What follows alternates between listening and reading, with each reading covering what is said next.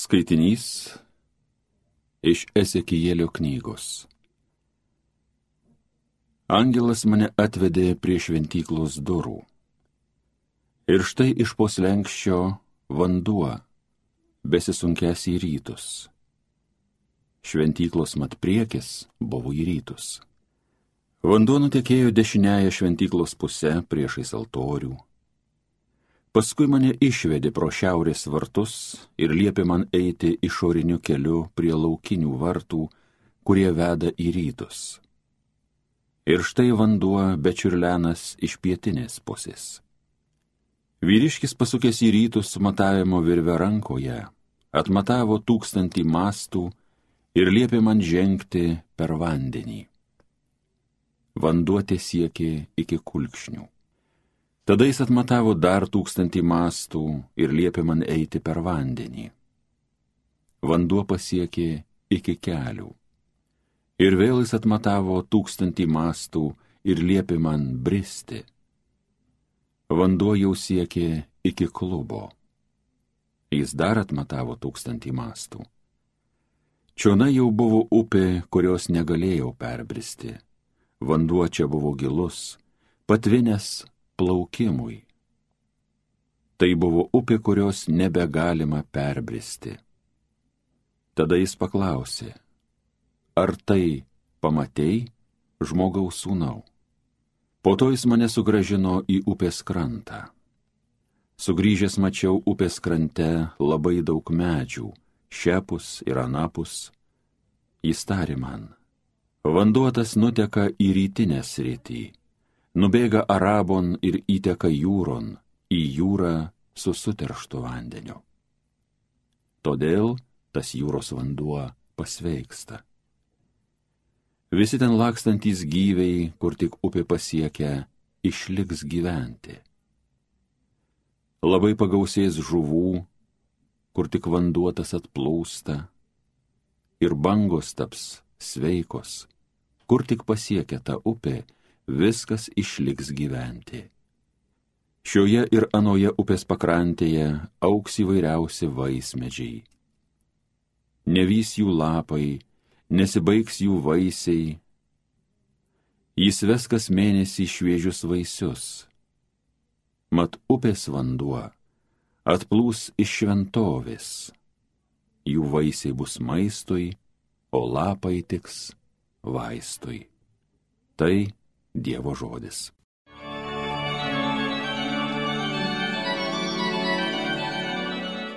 Su mumis dangaus kariuomenių viešpats, Jokūbo Dievas, štai mūsų tvirtovė. Dievas prieglauda mūsų tvirtovė, jis varguose ištikimiausias mūsų globėjas. Todėl nesibėjom, net jei žemė drebėtų, jei kalnai griūtų į jūrų gelmę Su mumis dangaus kariuomenių viešpats, Jokūbo Dievas, štai mūsų tvirtovė. Sraunų supeliai džiugina viešpaties miestą, kur stovi šventas aukščiausiojo būstas. Dievas jo viduje, jam nėra ko bijotis. Kas rytas anksti ateis jam Dievas padėti. Su mumis dangaus kariuomenių viešpats, Jokūbo Dievas, štai mūsų tvirtovė. Su mumis dangaus kariuomenių viešpats, Jokūbo Dievas, štai mūsų tvirtovė. Eikite pasižiūrėti, ką viešpats nuveikia, kokių stebuklų jis žemėje daro. Garbė ir šlovė tau viešpatie Jėzau. Sutverk širdį man tyrą, o Dieve, išgelbėk mane ir būsiu laimingas. Garbė ir šlovė tau viešpatie Jėzau. Pasiklausykite Šventojios Evangelijos pagal Joną. Buvo žydų šventė ir Jėzus nukeliavo į Jeruzalę.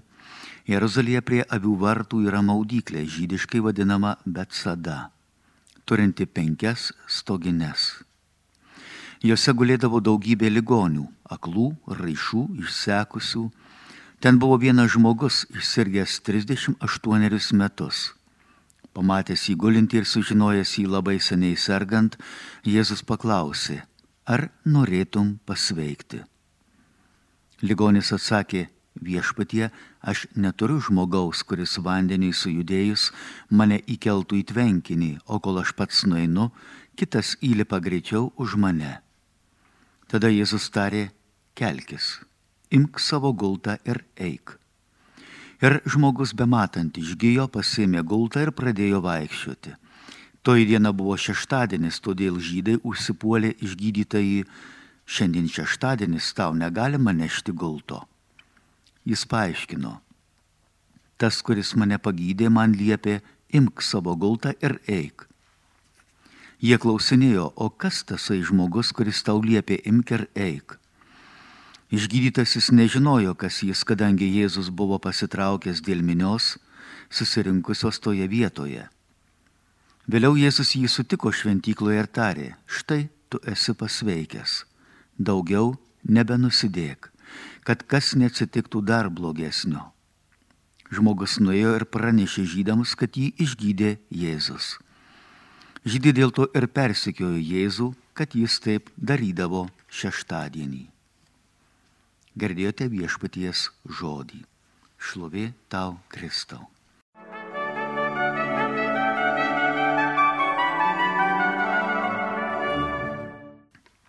Taigi 29 metai Jeruzalė, padėkos už derlių šventė, Jėzus atvyksta į Jeruzalę ir prieina Betsadą, išvertas būtų gailestingumo namai, maudyklė, kur apstu sergančių ligonių. Ir sužinojęs apie ypatingai seniai čia jau esantį paralyžiuotą žmogų, užkalbina jį.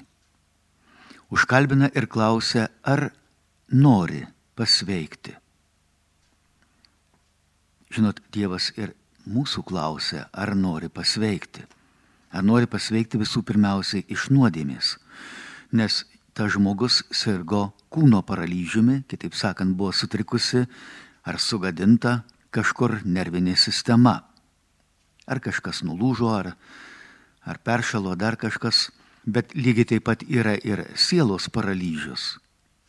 Kai sutrikusi ar sugadinta yra žmogaus dvasinė sistema, kuri jį iš tiesų ir padaro žmogumi Dievo atvaizdu. Jeigu mes šitą dvasinę sistemą sugadinam, o tai padaro nuodėmė, tai prasidėjo nuo pirmųjų tėvų, kurie nepasitikėjo Dievo, bet pasitikėjo piktąją dvasę ir puikiai žinom, kad suvalgė šito pažinimo vaisiaus, gėrio ir blogio, įsileido į save nuodėmę.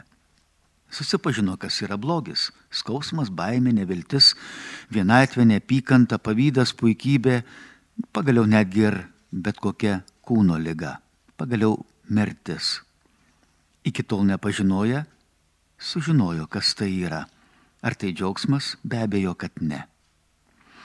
Ir štai Jėzus mūsų kiekvieno irgi klausia, ar sako, nori pasveikti. Ne tik kūnų, bet pirmiausiai, ar nori pasveikti sielą. Ar nori atsikratyti tų nuodėmių, kurios į tave yra įsiskverbę. Nes šiame pasaulyje nuo to nepabėgsi. Taip kaip išėjęs į lauką nori, nenori, dulkis nusėda ant tavęs, purvas, e, kvapai įsigeria ar dar kažkas ir visą tai mes stengiamės išskalbti. Jis mums siūlo, sako, ar nori, aš esu tas, kuris galiu šitą nuodėmę ir visas tavo nuodėmės sunaikinti. Dievo vinėlis esu, kuris tas nuodėmės naikina.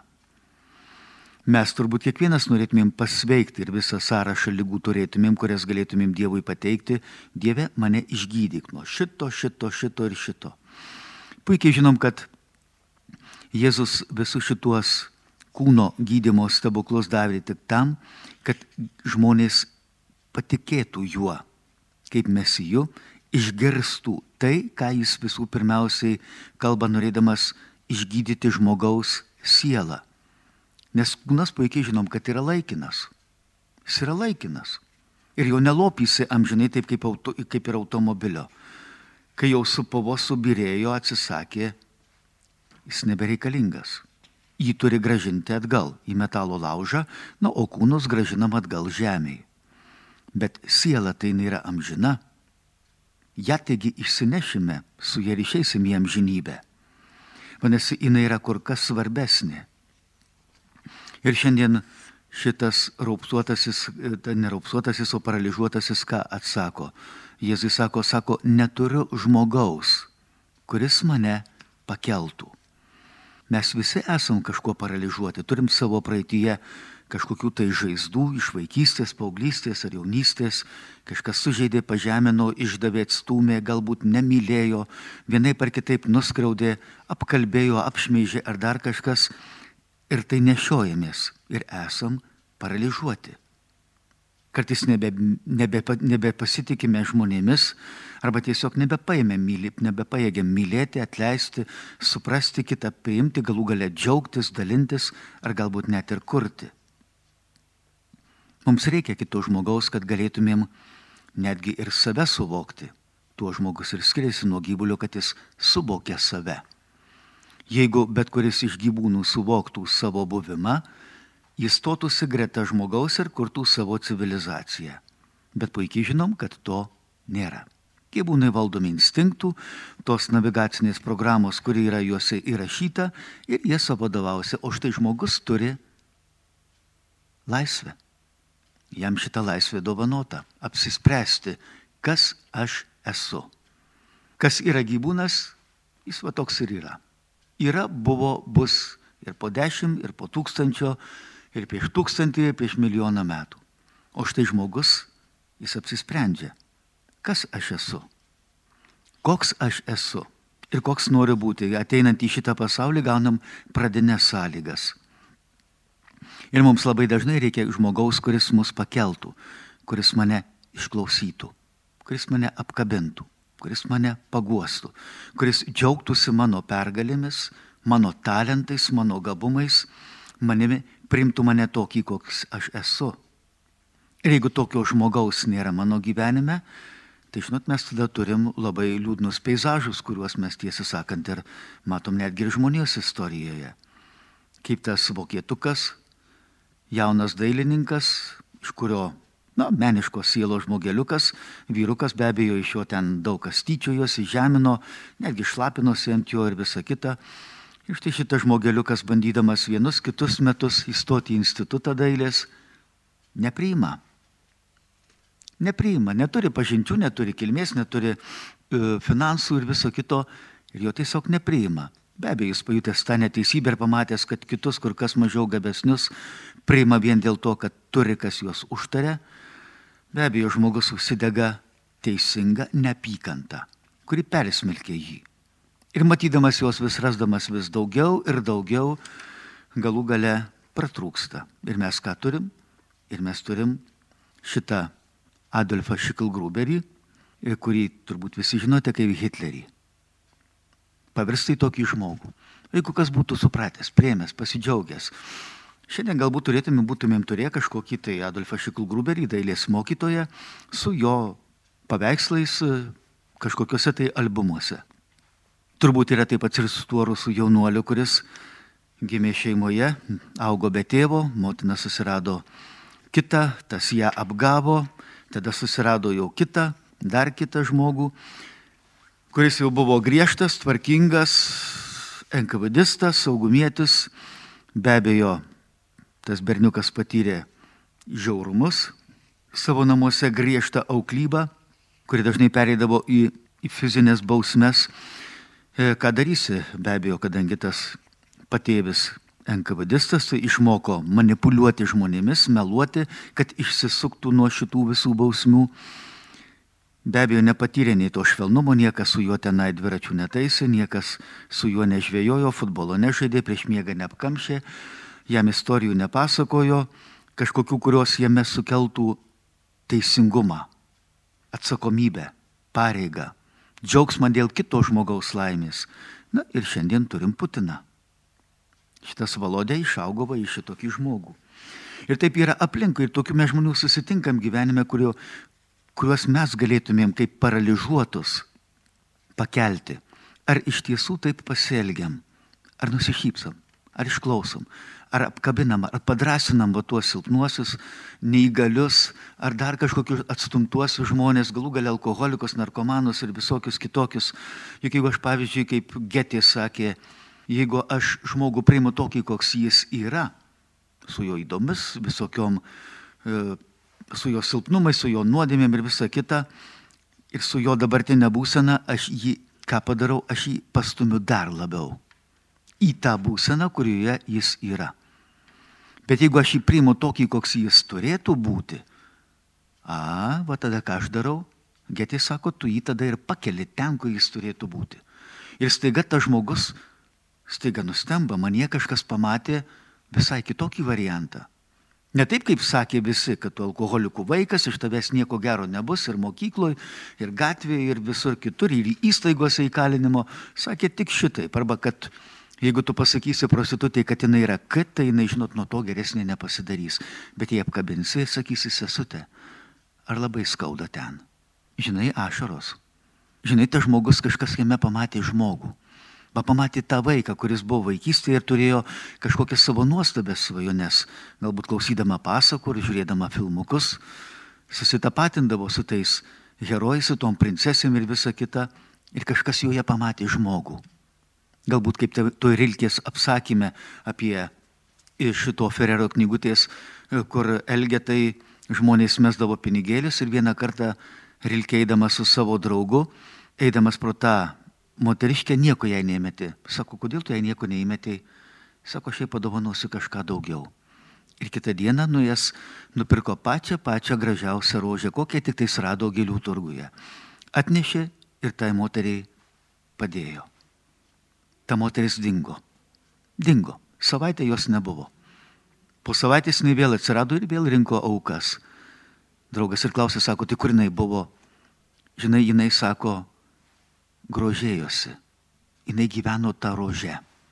Jinai matė joje save. Nes kažkas pamatė, kad ir jinai yra tokia pati nuostabi kaip šita rožė. Tik tais gyvenimas turbūt ją subjaurojo. Prašykime, kad mes būtumėm tie, kurie pakelia tuos paralyžiuotus žmonės, kai susitinkame juos savo kelyje, o jeigu mes esam kažkur paralyžiuoti, sakykim viešpatie, noriu, noriu, kad būčiau sveikas, būčiau sveikas, pasveikęs nuo tos nepykantos, nuo baimės, nuo nevilties, nuo nepilnavertiškumo, nuo savo priklausomybių, juk ir anoniminėse grupėse, kuriuos renkasi ten su to žmonės su priklausomybėm, pirmas ir vienintelis klausimas. Kitų nebėra. Visa kita paskui. Ar nori pakilti iš šitos savo priklausomybės? Jeigu nori, jau pusė darbo yra. Visa kita paskui jau detalės. Lygiai taip pat ir viešpats kiekvieno iš mūsų klausia, ar nori pakilti, ar nori būti sveikas. Ateikit pas mane visi, kurie esate pavargę, išsekę, atstumti, nemylimi, sužeisti, paralyžiuoti, išduoti, aš jūs atgaivinsiu, aš jūs pakelsiu, sako viešpats. Ir jis tai daro. Ir jis tai nori padaryti tau. Amen.